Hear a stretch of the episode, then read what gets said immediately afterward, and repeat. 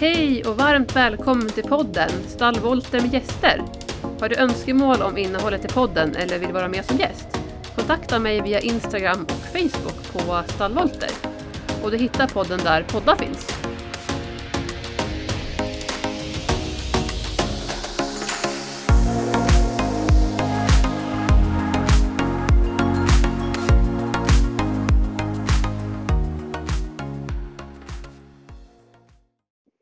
Pernilla! Hej Marie! Varmt välkommen till podden. Tack så jättemycket. Du heter ju Pernilla Hägglund och ditt företag är ju PH Horses. Exakt. Jag tänker du ska få berätta på en gång här nu vad det är du gör för någonting i ditt företag. Ja, i mitt företag då så är det framförallt eh, träningar, privata träningar med mina elever i olika åldrar och olika ponnysar och hästar. Sen eh, tar jag också emot ponnysar och hästar i, till, för träning och eh, lite försäljning. Jag har också köpt och säljt lite ponnysar. Ja, och det är väl det jag gör i företaget. Sen jobbar jag också på eh, ridskola, Tuna Lids ridklubb som instruktör. Just det. Och vi lärde ju känna varandra då när du bodde här i Knivsta. Och Exakt. eh, var i grannstallet här uppe hos Helena Reje. Precis. Många år Ja. sedan nu faktiskt. Ja, väldigt snabbt. Och det är jätteroligt att du som sagt var med och gästar podden. Och du ska få berätta lite grann idag här om, om din bakgrund, hur, hur, när du började med hästar och, och sen Mm. också det här, alltså gå från att vara anställd, jobba med hästar men också sen att starta eget företag. Mm. Ni har ju en, en gård hemma som du driver nu. Du flyttade ju upp. Du får berätta lite grann om din bakgrund om vi börjar där. När började du rida?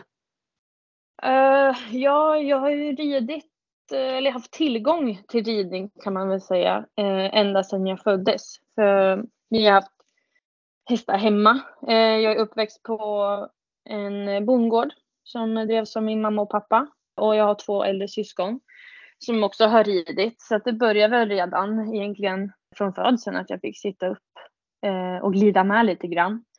Sen började jag väl rida på ridskola när jag var 6-7 år och hade samtidigt då tror jag en egen ponny, ett gotlandsruss, Lojstas röding, som jag red på. Och så gick jag på ridskola, eh, ja men, ja, hela, hela tiden tills att jag fick, eh, ja men lite bättre ponnysar som jag började träna mer på sen då. Sen fortsatte det ju så. Vi kunde ju ha hästarna hemma Eh, och hade ju också möjligheten då kanske kunna ha lite ett par ponnysar och inte bara en. Så.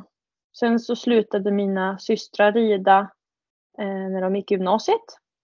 Och då fick jag ta över deras ponnysar. Det är ju lite typiskt som lilla syster att man får ta över eh, hästarna.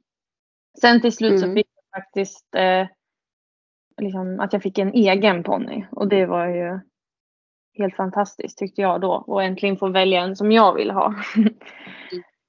Eh, och det var väl, ja verkligen.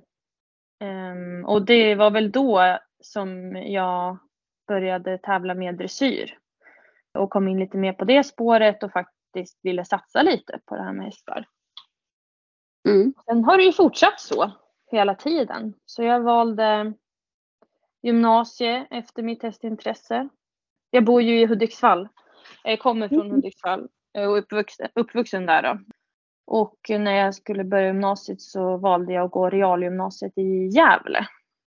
12 mil mellan Hudiksvall och Gävle är det. Så jag fick pendla med tåg. Mm. Och hade Hur var det ponny. Ja, men det funkade faktiskt bra. Jag gjorde bara yrkesförberedande. Pluggade inte de högskoleförberedande ämnena. För jag visste väl någonstans redan då att jag ville jobba med hästar och inte plugga vidare. Så att då var det ju också lite kortare dagar eh, och gjorde det lite mer möjligt att kunna pendla då varje dag.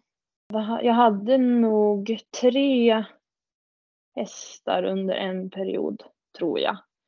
Och då fick jag ju, jag fick ihop det faktiskt. Och jag hade mycket hjälp av mamma som hjälpte till att göra stallet och skjutsa och hämta och, och sådär. Mm, men jag tänker att det, måste ju underlätta en hel del liksom, om man har föräldrar som kan engagera sig och hjälpa till som du säger. Och, och Mm. dessutom när man går i skolan som du gjorde då på den tiden. Ja, för mig har det nog varit jätteviktigt. Eh, Mm. För som sagt, ja, men vi bor utanför Hudiksvall i en by som heter Njutånger, eller en ort som heter Njutånger. Och det har ju inte funnits några bussförbindelser eller någonting sånt. Så att det har ju tagit tid eh, att bara komma iväg till träningar och sånt. Så att det har ju varit fantastiskt att kunna ha hästen hemma och sen att jag har fått mycket uppbackning liksom. Mm. Och det har väl varit en del av mammas intresse också och är fortfarande. För hon stöttar Mm. mig fortfarande jättemycket eh, med företaget. Vad Så det är kul när man kan dela. Rider din mamma så också nu eller är det så att hon är som engagerad? Nej, hon har väl en önskan om att hon skulle orka och ha tid och rida lite grann. Men hon står mest på sidan och filmar, följer med på lite träningar och tävlingar och tar in hästarna lite så ibland. Mm. Ja men det är väl guld värt. Ja, ja gud ja. Det hade ju inte gått utan henne att ha det som jag har idag faktiskt. Nej, för hur många hästar har du idag då om vi ska komma in på det redan nu? Ja, idag har jag bara tre faktiskt. Eh. Och då är två pensionärer så att det är bara en häst som jag rider just nu. Och just nu har jag skärt ner på hästantalet för att jag pluggar ju också nu samtidigt till ridlärare. Så jag går SRL1 på Strömsholm då. Så Ja. det tar ju lite av eh, min tid nu. Så jag har valt att ha lite färre hästar hemma och satsa mer på träningar och ridskolan och plugget. Mm. Men berätta sen då från att du gick i skolan där och hade egen häst och fick din egna ponny. Vad är nästa steg sen? Hur mycket har du tävlat och sådär då, skulle du säga? På ponny tävlar jag upp till FI dressyr. På Mm. godkända procent skulle jag säga. Jag inte tävlat något mästerskap och så. Men eh, fick göra väldigt mycket jobb själv med den här ponnyn. Han var inte en gångartstalang utan jag fick verkligen jobba på med lösgjordhet och eh, få en bra form och rida noggranna vägar och se till att min sits blev bra liksom och försöka ta honom så långt jag kunde. Det tycker jag ändå att jag lärde mig ju massor av. Så han fick ju mig verkligen att bli intresserad av hästar på riktigt och lära mig rida på riktigt skulle jag säga. Mm. Eh, och då när jag gick på gymnasiet så hade jag en eh, lång praktik som jag hade på Lövsta stuteri hos Tinny Wilhelmsson Sylvén i Upplands Väsby. Och då kände jag ju verkligen att shit, det här vill jag jobba med. Tänk att få göra det här varje dag liksom. Mm. Man behöver inte ha tråkigt en enda dag. Man vet att man liksom ska här, eller hur? nej, det var ju helt fantastiskt. Var, Ja. jag var faktiskt lite tveksam om jag verkligen skulle jobba med hästar för det verkar som att man behövde jobba så himla hårt. Så jag var lite så här, valet och kvalet om jag kanske skulle nöja mig med ett vanligt jobb i kassan på ICA och ha hästarna på sidan liksom. Men så har det verkligen inte blivit. Så eh, då sökte jag mig till lite olika hästverksamheter direkt efter studenten. Och hamnade då hos eh, Stallreje, Helena Reje i Knivsta där vi träffades. Precis. Det var ju mitt första jobb eh, efter skolan. Och där jobbade jag i ja, men nästan tre och ett halvt år, tror jag det blev. Ja, nej, två och ett halvt var det nog. Tre ungefär. Ja. Och där jobbade ju jag som hästskötare framför allt och sen hade vi också några unghästar som jag fick rida lite på och så fick jag ju såklart hjälpa till med Helenas eh, lite äldre hästar också. Nu var ju för sig alla hästarna ganska unga i åldrarna då men ja, det var väldigt kul. Mm, det måste varit väldigt lärorikt. Ja, det skulle jag faktiskt säga att det har också verkligen satt grunden för den typen av hästhållning jag har idag och hur jag jobbar med hästarna och får dem att vilja jobba med mig. Det fick jag Ja. av Helena, skulle jag säga.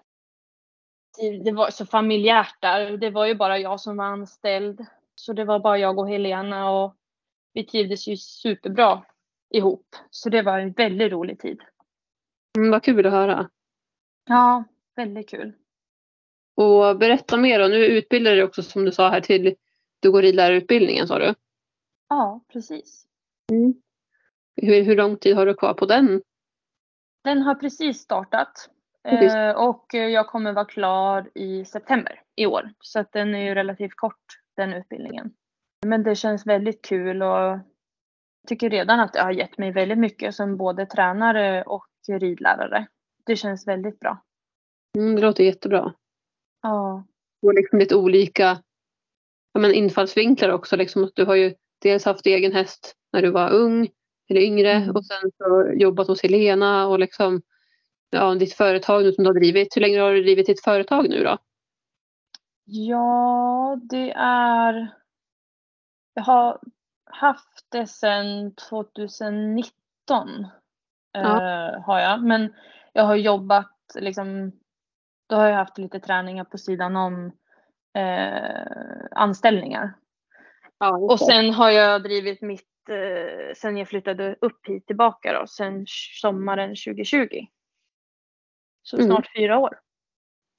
Ja, tänker, då startade du ditt företag under pandemin. ja precis. Ja. Måste tänka tillbaka. Jag brukar räkna på min dotter för hon föddes ju december 2019 och det var precis ja, månaderna efter där i början. Där som, Ja, jag började starta nog företag i början på 2019. Mm, Okej. Mm. Eh, så att det höll igång hela det året där. Ja, okej. Ja.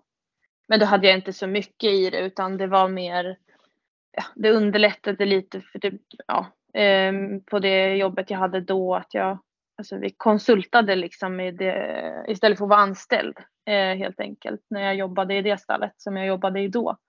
Ja. Eh, så det underlättade ju då att vi hade egna företag och sen så körde jag träningarna i företaget också då.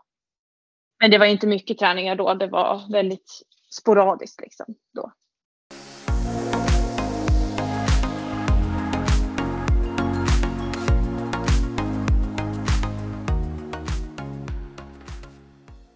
Och vi ska ju säga det här också att du har ju vunnit ett pris här, Årets guldstjärna 2023 fick du.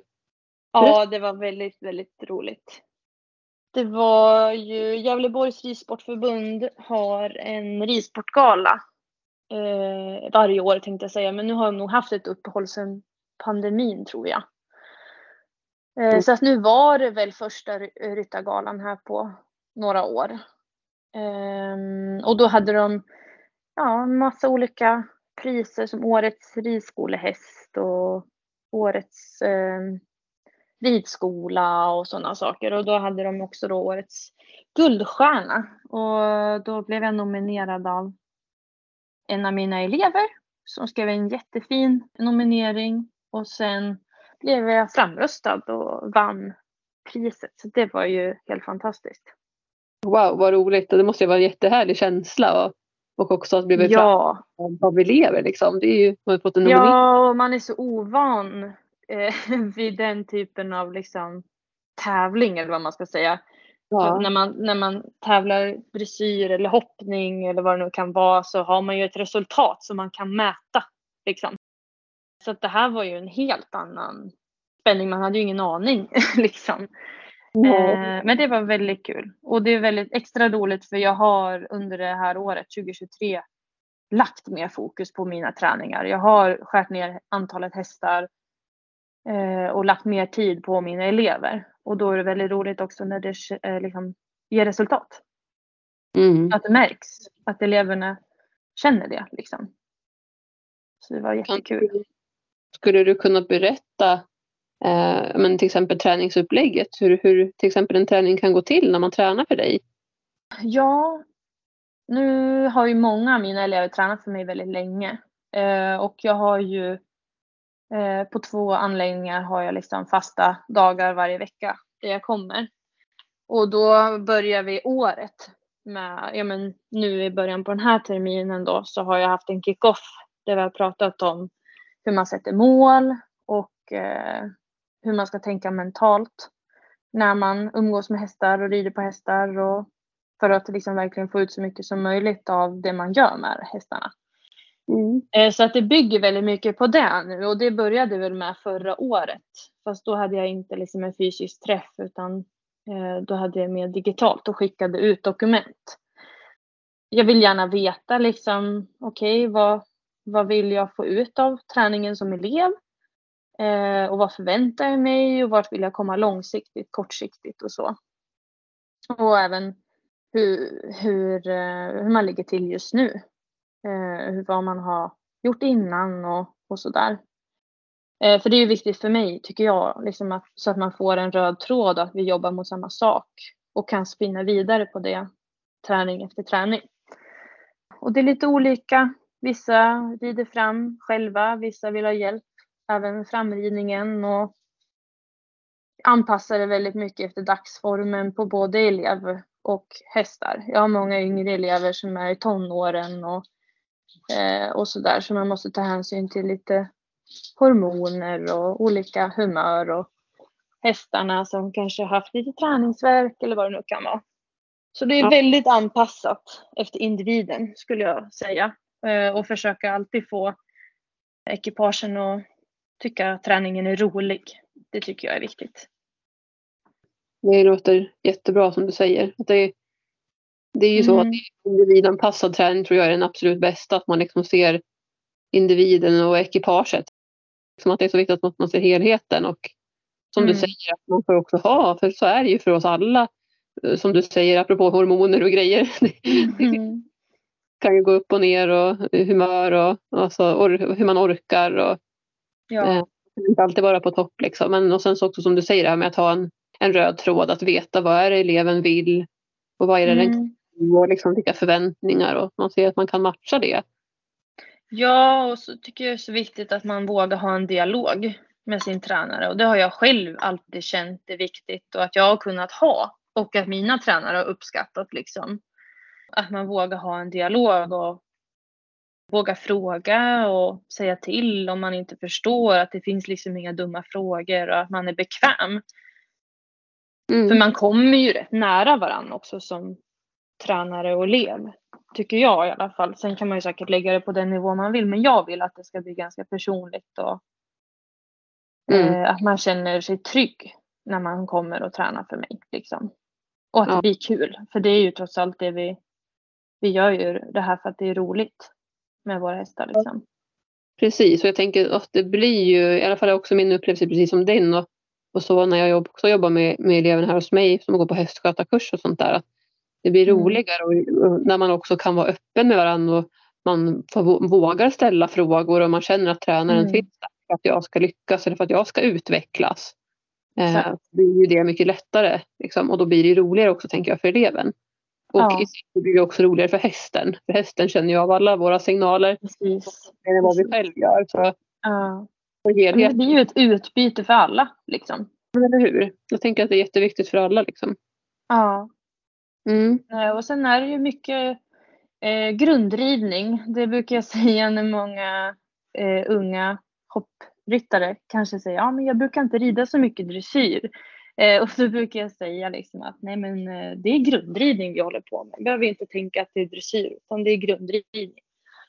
Mycket bärighet och balans, lösordighet. för att sen blir det liksom enkelt att göra rörelse, rörelserna sen om man har koll på ja. alla grunder och sin sits. Eh, mm. Och så. Jag tror att det kan vara lätt som kanske elev framförallt när man är ungdom eller barn att man tänker att man tänker dressyr så ser man de här ja. höga liksom alla skolor som man gör. Och då tänker precis. man kanske att dressyr handlar om det men precis som du säger mm. så är ju ja, egentligen både, alltså all ridning skulle jag vilja säga är ju mycket grundridning. Att det är där man ja, det är ju det formar sig själv, som du sa också, att prata om det här med sits och sånt. Att sin egen sits är jätteviktig. Liksom. Det är en, väldigt, en grund, tänker jag, med att jobba med grundridningen. Mm. Mm. Verkligen.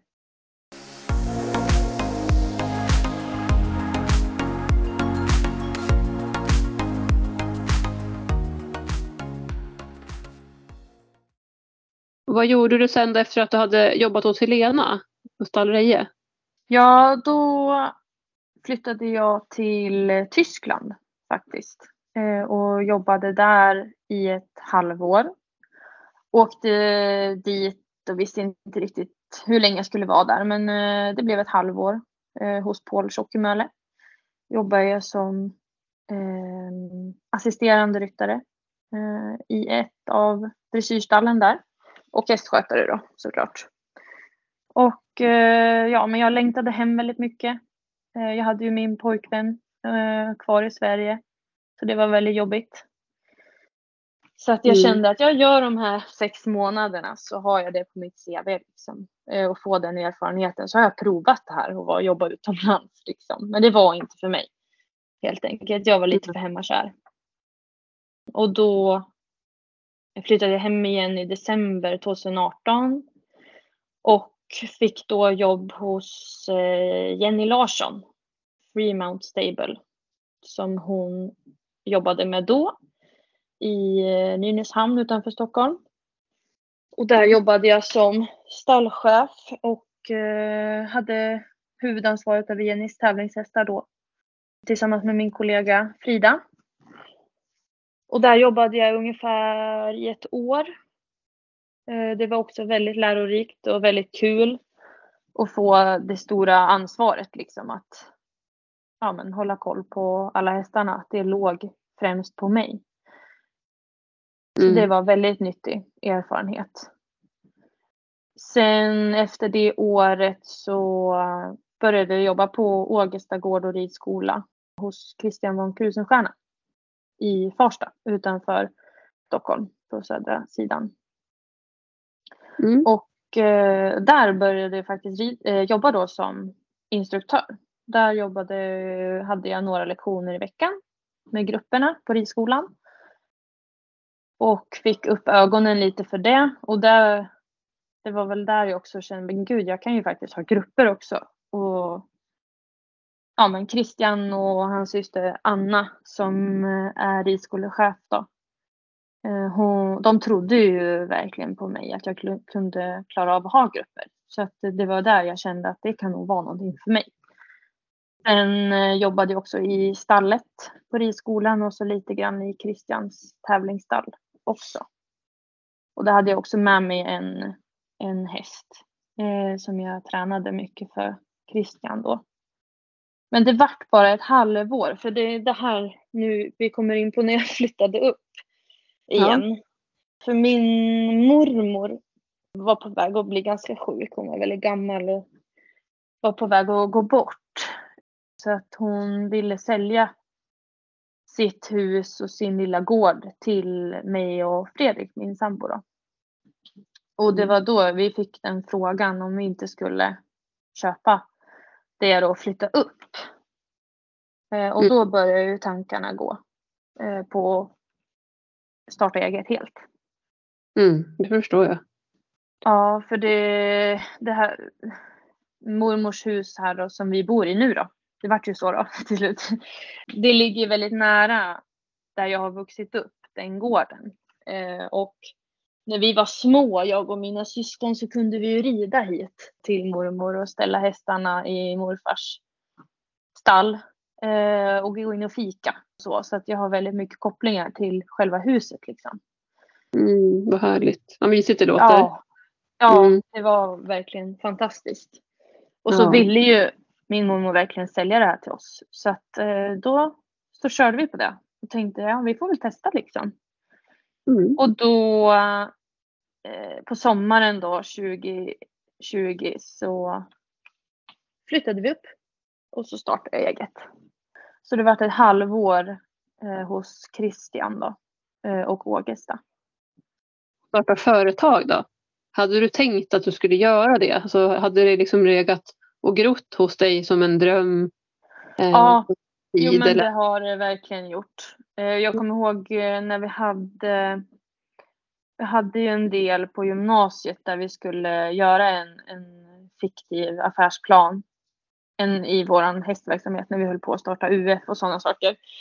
Och då vet jag att jag gjorde en affärsidé och affärsplan för ett en hästverksamhet och det kan man säga typ har gått i uppfyllelse förutom att jag inte har själva anläggningen som jag hade planerat då. Så det har ju varit en dröm hela tiden att starta eget. Och sen gillar jag att kunna styra min egna tid och göra det här skitjobbet åt mig själv. Rensa ogräs och sådana saker tycker jag har jag haft väldigt svårt för att göra som anställd om jag ska vara ärlig. Jag har tyckt att det har varit riktigt skit göra men jag har ju gjort det ändå för det är ju, ingår liksom. Ja. Eh, och då har jag bara tänkt nej men en dag ska jag göra det här åt mig själv istället. Så att det har verkligen legat och grott länge. Mm. Och jag vet att jag när jag var i Tyskland det var då jag kom på att jag ville att det skulle heta PH Horses vet jag. För då på kvällarna när jag längtar hem så mycket så brukar jag också fantisera väldigt mycket om hur jag ville ha det själv. Um, så att då kom jag på att jag ville namnet helt enkelt. Så att det har Mm. legat och grott länge. Vad kul, vad härligt att höra. Det är liksom en dröm Ja. som gick så här. Och som Ja. också där hem tänker jag och till din, till din mor, mormors gård då ju. Det är ju jätte, Ja, precis. liksom man brukar säga cirkeln är sluten brukar man säga. Ja, exakt. Verkligen. Och så har jag hästarna i samma stall som jag hade när jag var liten. För jag hyr ju eh, boxarna hemma hos mamma fortfarande. Så att det är ju också väldigt härligt. Och Ja. vara nära familjen. Äta lunch med familjen varje dag är ju väldigt lyxigt. Precis, det förstår jag verkligen. Ja.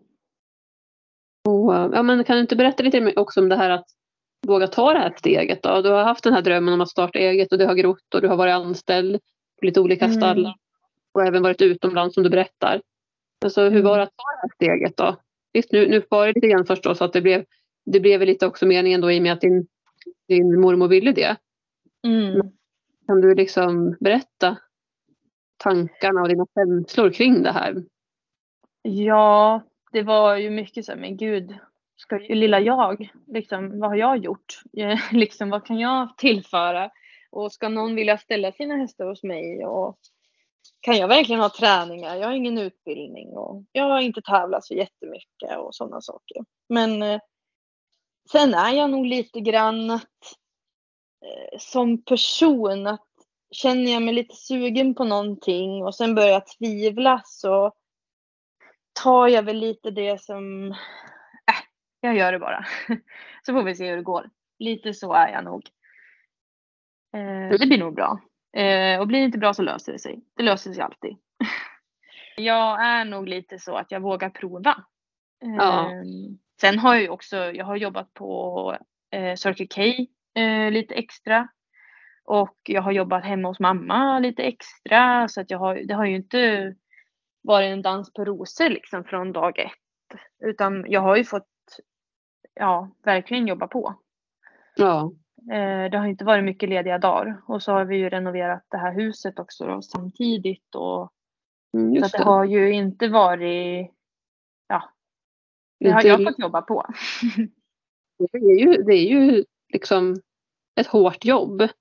Att Ja. dels egen företagare eh, men Mm. också liksom att starta upp någonting från grunden. Det är ju ingenting som sker över en Mm. natt om man säger så, utan det krävs ju jobb. Och, och, Nej, precis. Och så ska man komma på hur man vill ha det egentligen. ja, precis. Eh, och innan, när, precis när jag flyttade upp, första halvåret var det väl ganska lugnt med hästar och ja men som sagt jag jobbade lite extra på macken där och hos mamma och sådana saker. Men sen, jag ville ju bara rida och ha massa hästar liksom. Eh, Mm. Men sen utvecklade träningsbiten, mina träningar och då började man tänka sig okej, okej vad, jag kan ju inte ha 100% fokus på alla delar utan vad vill jag egentligen ha? Vad vill jag rikta in mig på liksom? Och så får man kanske testa lite grann. Något år hade jag fem hästar i träning och eh, det var jättekul. Men det, jag är också ensam. Eh, jag gör allting själv. Släpper ut, fodrar, släpper in, gör i ordning hästarna. Eh, Ja, men jag gör allt själv. Jag har ingen anställd och inte haft någon anställd. Liksom. Och det, det har jag kommit fram till. Eh, Att jag vill gärna göra allting själv. För jag tycker då får jag också bäst relation till hästarna. Men det krävs ju också att eh, då kanske jag inte kan ha lika många hästar som jag egentligen hade önskat till exempel. Mm, jag förstår det. Så att det är ju en konstant också så försöka hitta en balans med vad man ska lägga fokuset åt sin tid. Och det är väl det som tar också tid att komma fram till och testa sig fram. Liksom. Och det är väl där, när man inte riktigt hittar den balansen, det är då man får jobba väldigt hårt. Mm. Jo men precis. Jag förstår precis vad du menar och kan känna igen mig. Det är också mitt, min Mm. häst jag har. Att, men, men om vi ska ge tips och råd här, både du och jag, så tror jag vi är ganska Mm. eniga om att, att våga prova och känna sig fram. Vad Ja. tycker är roligt? Alltså vara ärlig mot sig själv och våga testa. Och Ja. liksom känna, "Nej, men det här kanske inte var det jag ville göra. Men då, då har man provat och då behöver man inte heller fundera på hur skulle det vara om jag vågade testa? För det är just det där att om man inte testar så kommer man inte veta hur det skulle kunna bli heller. Ja.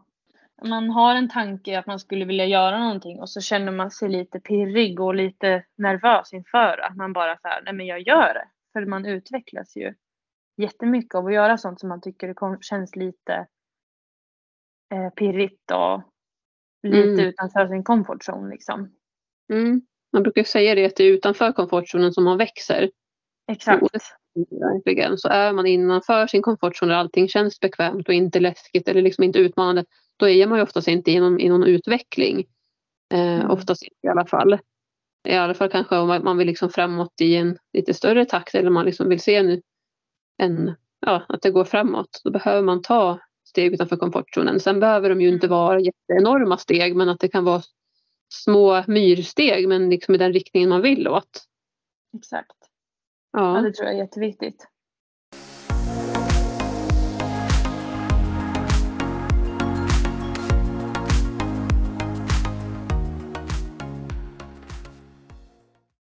Skulle du kunna dela med dig av några, ska man säga, vad som har varit mest utmanande då med att starta företag? Mm. Ja, det är väl ehm, tiden. Få det att räcka till. Ja. Ehm, till att hinna med att göra alla delarna som ingår i företag. Det är ju också lite kontorsgrejer man behöver ta sig tid för och hålla koll på. Mm. Ja, och sen är det är mycket, ja men man är ju konstant orolig för att man ska ha för lite jobb. Men samtidigt så har det inte varit något problem någon gång. Men det är ju ändå en oro. Det finns där. Mm. Ja, och kanske också mer nu när det har varit lite svåra ekonomiska tider för alla. Så var det lite eh, oroligt för hur det ska gå liksom. Men det har ju gått bra. Och sen är det ju också om man blir sjuk, eh, hur man gör då. Eh, och då gäller det ju att man försöker ha en plan för det. Särskilt nu också när jag som sagt är själv. Så har det ju blivit liksom att jag har fått jobba ändå ibland och min mamma har hjälpt till och min sambo och min syster har kunnat hjälpa till liksom. Men ja, det är sådana praktiska saker liksom. Ja. Ja.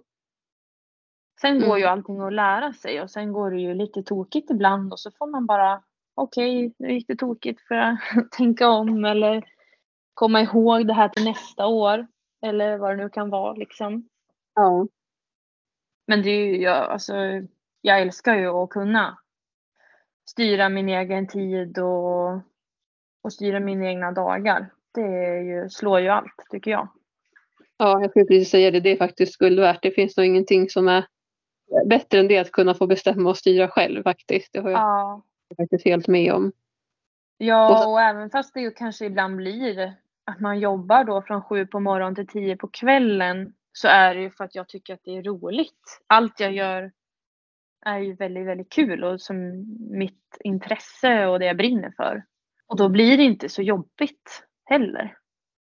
Nej, men precis, att man skapar det livet som man, som man har drömt om och då blir ju inte det, då känns det inte riktigt som ett jobb heller.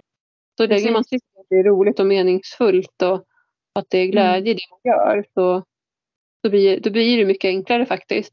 Sen så är det klart Ja. att som du säger att, att, att, att oavsett om man jobbar med hästar eller har hästar, alltså alla vi vet ju att det är otroligt mycket jobb. Liksom, Mm. Att ha en häst eller ha flera hästar. Eh, men samtidigt så ger det ju också väldigt mycket tillbaka för man får ju Ja. både alltså frisk luft, man får motion av all- alla dess Mm. former och man får liksom den här närkontakten med djuren och, och sen Mm. också när vi träffar människor precis som jag också gör i verksamheten en del. Mm. Mm. Och barn, alltså det är fantastiskt roligt att jobba med Ja. barn och ungdomar. Liksom, Ja. att, mm, det, det ger så mycket också att få se deras glädje, tänker jag. Att det också Exakt. känner. När Ja, de, det är så himla kul. Och när de känner att shit, nu, nu fick jag koll på den här delen. Liksom. Och man ser att de blir så stolta. Det är ju fantastiskt tycker jag. ja, härligt att höra. Mm. Vill du dela med dig då av det, det positiva? Nu har du i och för sig sagt det här, men sammanfatta, sammanfatta vad det positiva är med att ha ett eget företag så sa ju det här med, med att styra sin egen tid sa du ju bland annat. Ja, precis. Någonstans att det är bara det är, det är mig det hänger på liksom. Att eh, hur mitt företag och jag utvecklas, det är bara jag som kan styra det liksom. Och det tycker jag är en positiv sak. Mm. Ehm, skulle jag säga. Och sen att eh, man är ju inte låst på något sätt att bara jobba med en bit utan man kan ju ha flera ben att stå på. Eller hur? Ja, det tycker jag också är, det är ju en möjlighet med att vara, ha eget företag. Man kan ta in många olika delar. På det sättet kan man ju styra det lite säsongsvis också. Eh, men att- man kanske kan ta emot fler hästar under sommarhalvåret och lite färre hästar på vinterhalvåret. När man, ja, det är ju inte lika härligt att ha häst på vintern. Faktiskt. Nej. Eh, så att då kan man kanske ha mer träningar då.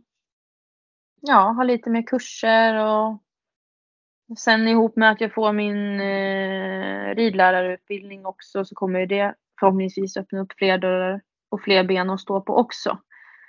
För Mm. då blir jag ju lite grann under förbundets vingar. Så att det kan ju också öppna upp nya dörrar. Det låter spännande. Mm. Ja, men jag Mm. tror det. Det är viktigt att fortsätta utbilda sig och ja, man får inte stanna av liksom känns det som. Utan man måste hela tiden söka lite nytt. Tror jag är viktigt. Precis, hänga med vad som händer och vara liksom uppdaterad. Och också tänka för, Mm. För din egen del också liksom att ja, för kunna utvecklas och kunna utveckla sig med hästarna. Ja, exakt. Vill du berätta vad du har för mål här nu framåt då? Mm, absolut.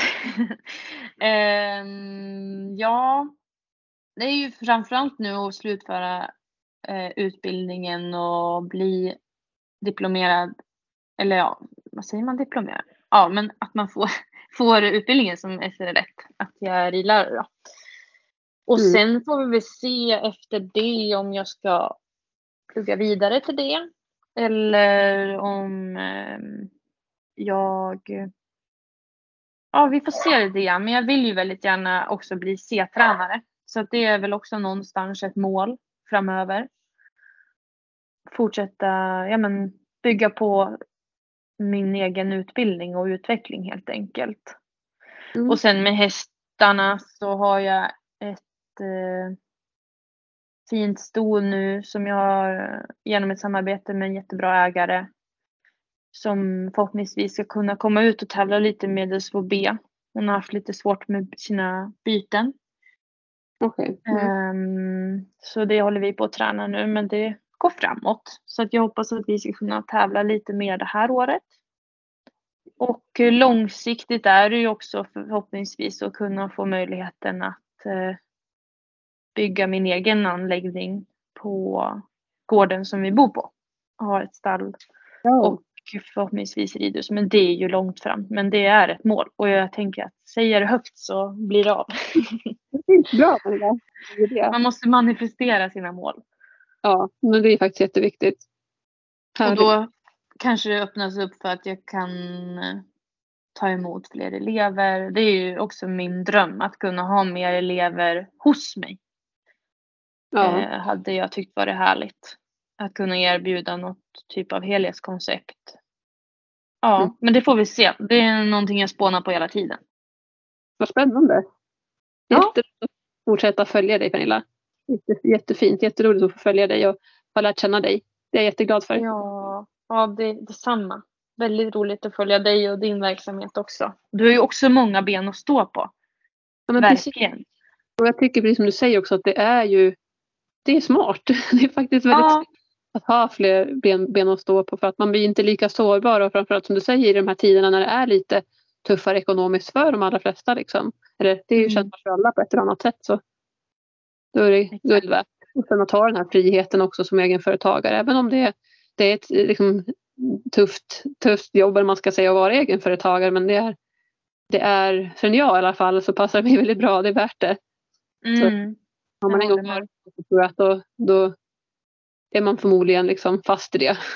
Mm. Verkligen.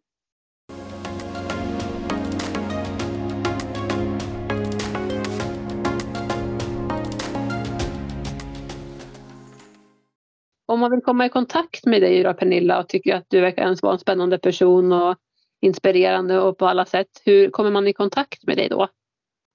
Eh, ja, lättast är nog på Instagram och Facebook.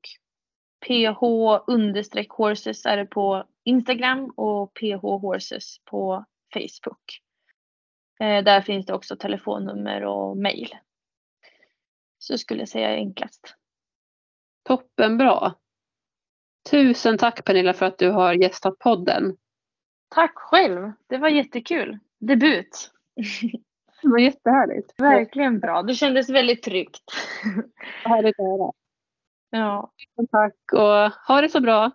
Detsamma. Ha det bra. Tack tack. Hej då. Hej då.